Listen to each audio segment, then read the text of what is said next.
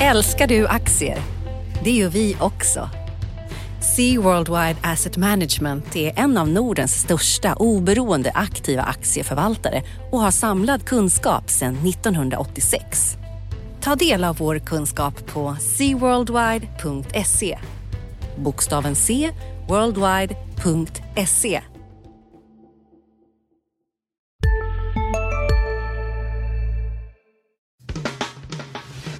Analyspodden från Dagens Industri. Hej allihopa! Välkomna till ett nytt avsnitt av Analyspodden där vi på Dagens Industris analysredaktion benar ut vad som har hänt i veckan och eh, tittar lite framåt. Den här gången med eh, på andra sidan telefonlinjen Rickard Bråse och på den här sidan Martin Blomgren. Eh, hur står det till Rickard? Det är, det är mycket bra skulle jag säga. Är du skakad av veckans börsfall? Jag vet inte, var det ens ett börsfall? Det känns som att det blir... Ju längre in i börsuppgången man kommer, ju mindre blir liksom toleransnivån för, verkar det som, för vad, man, vad som är ett börsfall. Det, det var ju inte så där jättemycket. Drar du ut grafen över några år så syns det ju inte ens det som, det som hände de här två senaste dagarna. Så jag tror att är man skakad av det här så um, så har man inte på börsen att göra? Nej, då ska man nog lämna walkover eh, idag när den studsar upp lite grann. Ja, jag håller med. Det som har hänt om man har varit eh, frånvarande är att börsen i onsdags var det va? gick ner 1,6 procent ungefär efter att eh, Trump får det allt tuffare att eh, hålla ihop sitt presidentämbete och det var den största nedgången i år och största sen förra sommaren om jag inte missminner mig. Men det ska ju sättas då i i perspektivet att börsen har rört sig ovanligt lite under ovanligt lång tid och en rörelse på 1,6 är egentligen inte så mycket att hetsa upp sig över och nu när vi spelar in på fredag förmiddag här så är börsen upp igen så att eh, mycket bråk för små rörelser trots allt får man väl säga så här långt men, eh, men eh, vi får väl se. Ska vi beta av lite vad som har hänt i veckan då? Vilka bolag har du tittat på? Har jag gjort? Jag har ju varit inne och eh, petat lite på Lundbergs. De hade ju en rapport i veckan. Det är en ganska mycket av en intet-händelse. Men det, det, som är intressant med Lundbergs är hur mycket premien har kommit upp eh, senaste tiden. Den handlades med, med 13-14 procents premie här i veckan och det är en aktie som, som har handlats med rabatt på 18, 19, 20 procent om du tittar på eh, tio senaste åren tror jag. Um, och det där är ett intressant fenomen. Jag ser det lite som, som så bubbelfenomen blandat med det här att det är så mycket blindboxpengar som är inne och, och, ehm, och ska förvalta. Eh, och med det menar jag med liksom EPF och allt sånt där som bara trycks in när aktier kommer in i index så är det det bästa som kan hända idag verkar det som. Mm. För då, framförallt i sådana här bolag med lite sämre likviditet, för då trycker man upp, eh, trycker man upp priserna direkt. Och sen har, har, har vi det här Spiltans investmentbolagsfond som jag i grund och botten tycker är en god idé. Eh, ganska enkel idé att man köper investmentbolag för att de över tid slår, eh, slår index. Men det här, i takt med att han blivit fruktansvärt populär så blir det ju självförstärkande. Det blir väldigt lätt för de här investmentbolagen att slå slå index om det är någon som sitter och köper oavsett om, eh, om premien är 10 eller 20 procent eller kanske 30. Jag vet inte vad, vad liksom den övre gränsen kommer gå där men eh, i vart fall de som stoppar in pengarna i, i den här eh, fonden idag de, de måste vara liksom medvetna om att det, att det de gör har liksom är fundamentalt verklighetsfrånvänt och ingenting man ska ägna sig åt så som jag ser det. Nej, det finns ju en stor risk om det skulle återgå till det som tidigare var normalläget med eh, rabatter på substansen i, i eh, investmentbolagen. För att eh, det, om det händer så händer det förmodligen i samband med att även innehaven kanske får en tuffare period på börsen. Och då, då är det både substansen som går ner och rabatten och då har man det ju inte så roligt som ägare av ett eh, investmentbolag som går från premie till rabatt samtidigt som innehaven går ner. Så det, den risken är ju, man kan ju man kan bara göra den där resan upp en gång från rabatt till premie. Sen kan nivån kan man ju diskutera men eh, eh där, där finns ju en stor risk i nästa börsnedgång, eller hur? Mm. Och jag tror att hela den här, eh, vad ska man säga, passiva trenden som finns med pengar som ska... Det viktigaste är att de förvaltas så billigt som möjligt. Jag tror att det kommer att öppna upp väldigt mycket för... Driva på olika former av anomalier och öppna upp för, för mera aktiva investerare. Och tänk inte bara eh, aktiva fondförvaltare utan, utan kanske mer den typen av investerare som, som, som, går in och verkligen tar, tar, sätter sig i styrelsen och försöker utveckla bolag. Och så jag tror att de här bolagen som har kommit in på börsen de senaste tre åren som inte har fått några riktiga huvudägare utan mer anonymare fondkapital, att de har eh, en nackdel i förhållande till de som...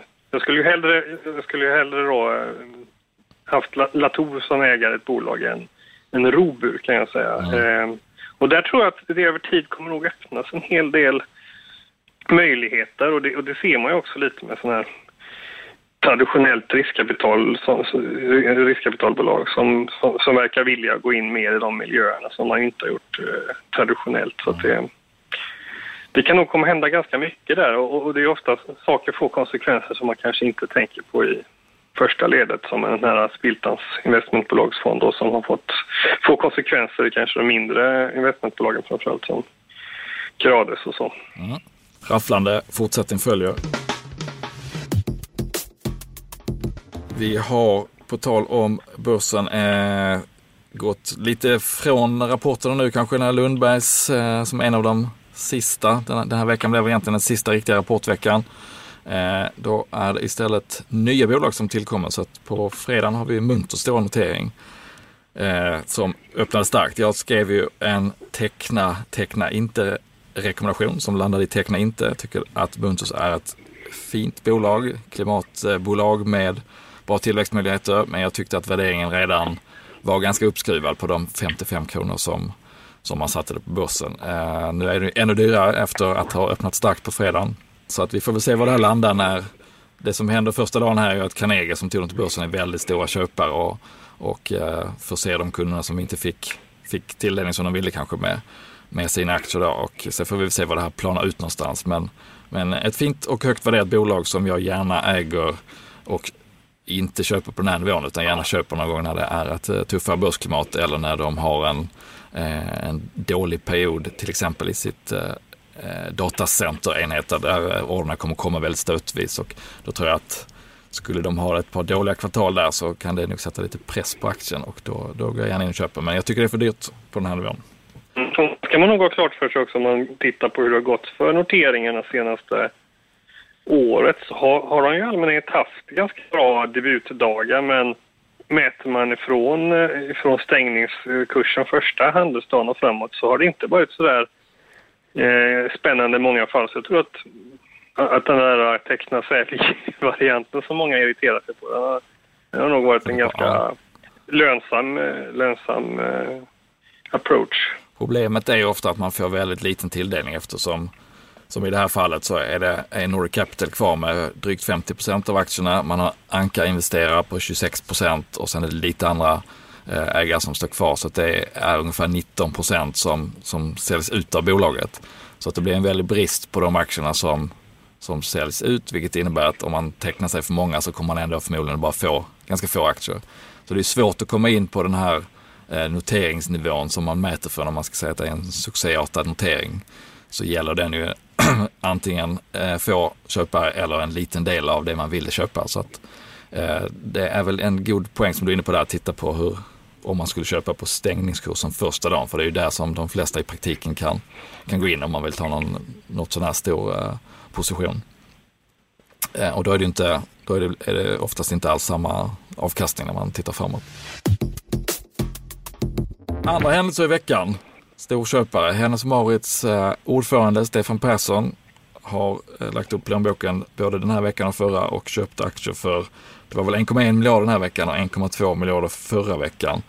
Eh, och frågan är om det bara är att han återinvesterar sina utdelningar som har kommit eller om det är så att han ser en skördetid framför sig som, som många har hoppats på det här året.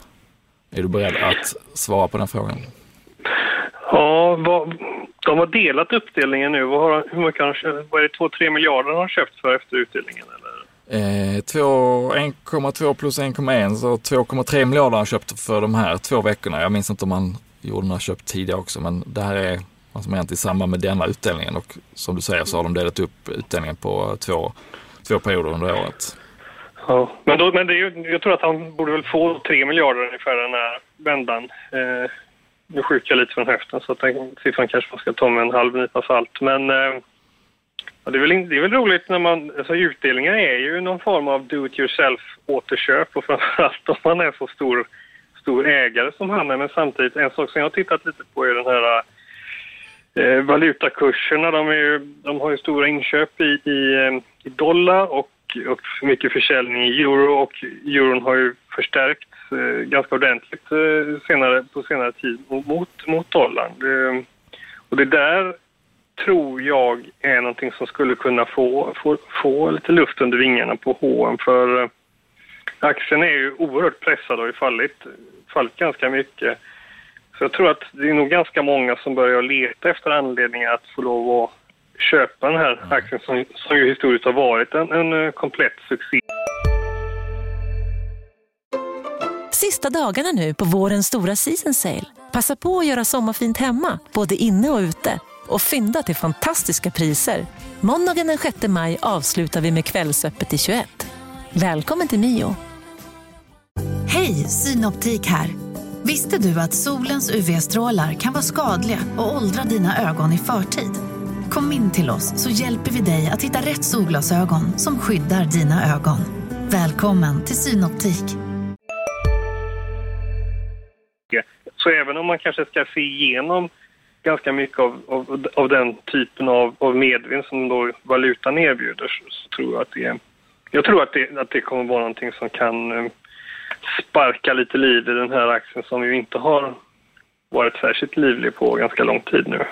Nej, Vad tror du om det? Ja, jag, jag, jag håller med. Jag är lite försiktigt optimistisk om att det är en botten åtminstone på kort och medellång sikt som har siktats här och eh, man ska ju vara medveten om att i förväntningarna från analytikernas håll så ligger det ingen marginalförstärkning alls i korten. Så att skulle de kunna få mer valutamedvind än vad, vad alla tror plus att man får lite avkastning på de här stora investeringarna som man har plöjt ner pengar i de senaste åren med nya konceptet Arket och eh, IT och online-satsningar som ju bara har varit kostnader, inga intäkter hittills.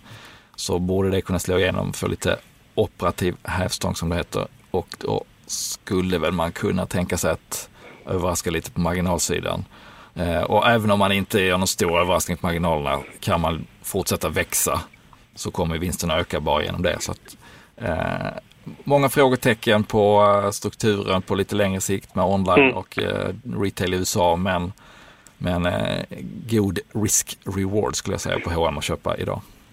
Mm, men jag vill bara föra till protokollet att jag är skeptisk till, till H&M som företags position. Jag tror att de fortfarande har, har liksom en uppbyggnad som, där, man, där man driver tillväxt fortsatt genom öppna butiker och det är inte så man eh, vinner matcher nu för tiden verkar det som när allt mer handlar om vem som är vassast, vem som har den vassaste e-handelsplattformen och ja. Mm. Jag tror att verkligheten har ändrats lite för H&M men, men på lite kortare sikt så tror jag att det kan, kan kanske få lite fart på mm. den här.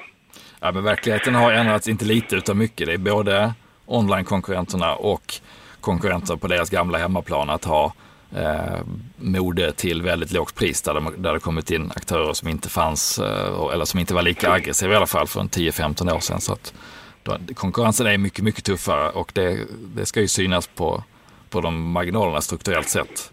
Så att visst, mm. visst är det tuffa klimat, men det handlar ju om att, att förväntningarna möter verkligheten någonstans och om, om verkligheten visar sig vara lite starkare än förväntningarna så, så kan det studsa upp på börsen. Så, mm. så rolig är den jag håller på med. Ja, jag, satt, jag satt och screenade lite amerikanska bolag på måfå igår kväll som jag ibland eh, ibland gör på lite mindre. Alltså, och all, det, väldigt mycket av det som, som har låga multiplar idag det är ju någon form av, av retailbolag. Mm. Det är väldigt mycket, alltså det, det här är ju verkligen inte ett hm problem utan det är ju en ny gammal värld som mäter, möter en ny värld. Och ofta är det, är det ju väldigt svårt att, att liksom transformera bolag. Jag tror att det är... Eh, ja, de här Zalando de kommer nog vara vinnare under väldigt lång tid. Men sen finns det ju, sen har vi en annan liten grupp där ibland de här låg multipelbolagen. Mm. Biltillverkare.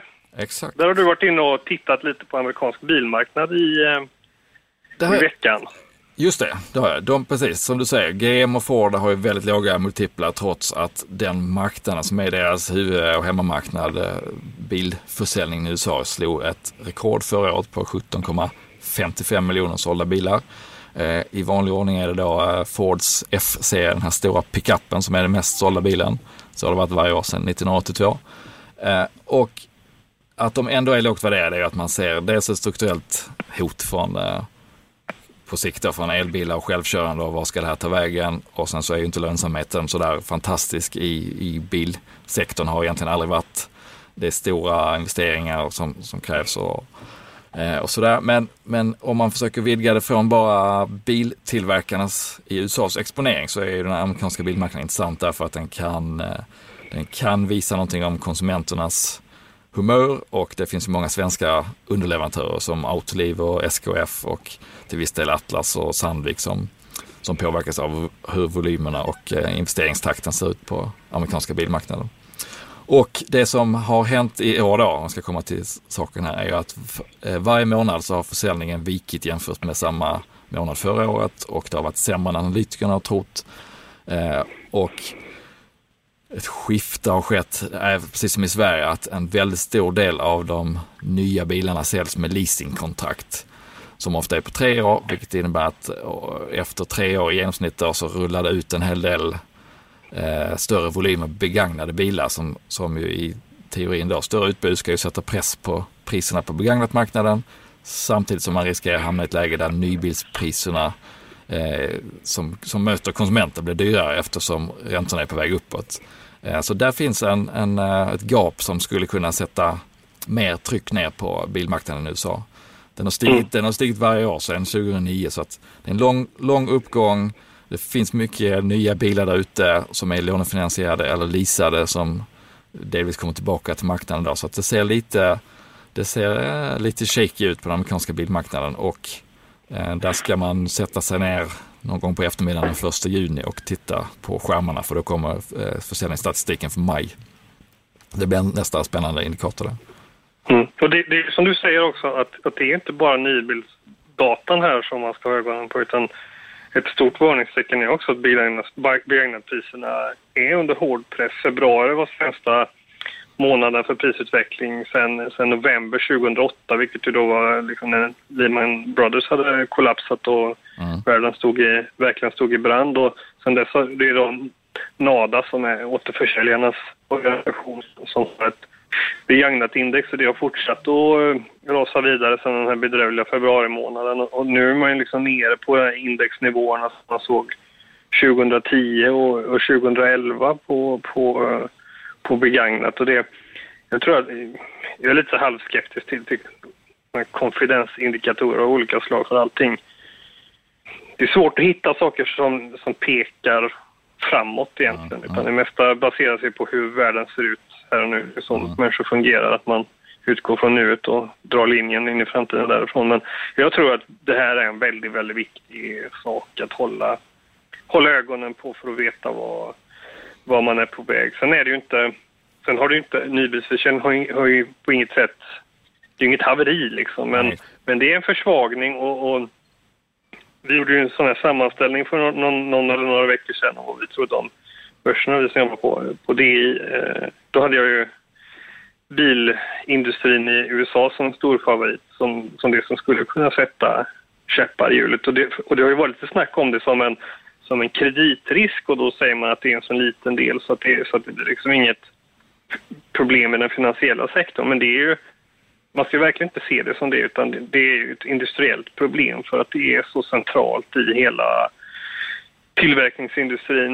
Eh, det är många bolag som man inte tänker på kanske direkt som kommer att påverkas mm. om det skulle, och skulle tryckas till eh, lite mer som, som en liksom leverantörer till deras underleverantörer. Mm. Och det är ju en så kallad sällanköpsvara som Så man kan avstå ofta om inte bilen är trasig, verkligen trasig, så, så får man, eh, är man orolig för att bli av med jobbet eller räntorna drar iväg upp eller man har lite dåligt med pengar så, så eh, går det ju att köra vidare med den gamla bilen eller laga den om den är trasig istället för att åka och köpa en ny. Så att, eh, när det väl viker ner så kan det gå ganska brant och djupt på den här marknaden för att det är ett, ett inköp som är lätt att vänta med för de flesta i alla fall. Så att eh, man såg under finanskrisen, då gick volymerna från eh, att ligga då mellan 16-17 miljoner ner till 9 som lägst var det eh, under våren 2009 när det var, när det var riktig kris på riktigt i, i amerikansk bilindustri. Och nu har man då hoppat upp år efter år till, till att komma tillbaka till att lägga legat slaget mellan 16-17 miljoner ungefär. Eh, men som sagt, första juni då spänner vi blickarna i, i bilförsäljningen. Om vi blickar framåt i övrigt så nästa vecka är ju då en lite avkortad vecka där torsdagen är Kristi himmelfärdsdag. Men det finns ju en så kallad småspararaktie som eh, favorit som kommer rapport, Kopparbergs bryggeri. Som har till slut tagit stryk av pundet. De har säkrat sig innan och, och lyckats visa bra vinster men eh, förra rapporten var tuff där pundet slog igenom så att eh, det blir en, det är en väldigt kort rapport de har men eh, pundet ska man hålla koll på där. Volvo har kapitalmarknadsdag i Eskilstuna för sin VCE, anläggningsmaskinerna. Eh, och det är ett vecka hos mig minnen till liv av en eh, likadan kapitalmarknadsdag för en 10-12 år sedan som de hade där. Där, där det efter de här PowerPoint-presentationerna gavs möjlighet att provköra de olika grävmaskinerna och dumprarna och då då var det en ljuvlig syn att se ett 50-tal kostymklädda män galoppera ut för att få tag i den största grävmaskinen. Ska man gissa på någon liknande upplevelse för de som är där i, i veckan kanske? Eh, ja. ja. Det är väl på stora hela de uh, tyngsta punkterna nästa vecka. Det låter ganska ljummet får jag säga. Det låter lite ljummet, ja, om man inte är väldigt grävmaskinsintresserad. Ja, det är väl de nej, jag, är de det? Ja, det är möjligt. Alla tuffa killar är ju verkstadsintresserade. Exakt. Jag tycker vi avslutar med de kloka orden från Rickard Bråse och tackar för att ni har lyssnat. Eh, ha en skön helg. Hej! Hej då! Analyspodden från Dagens Industri. Podden redigerades av Umami Produktion.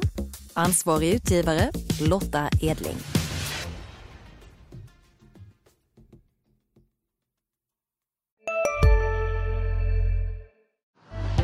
Älskar du aktier?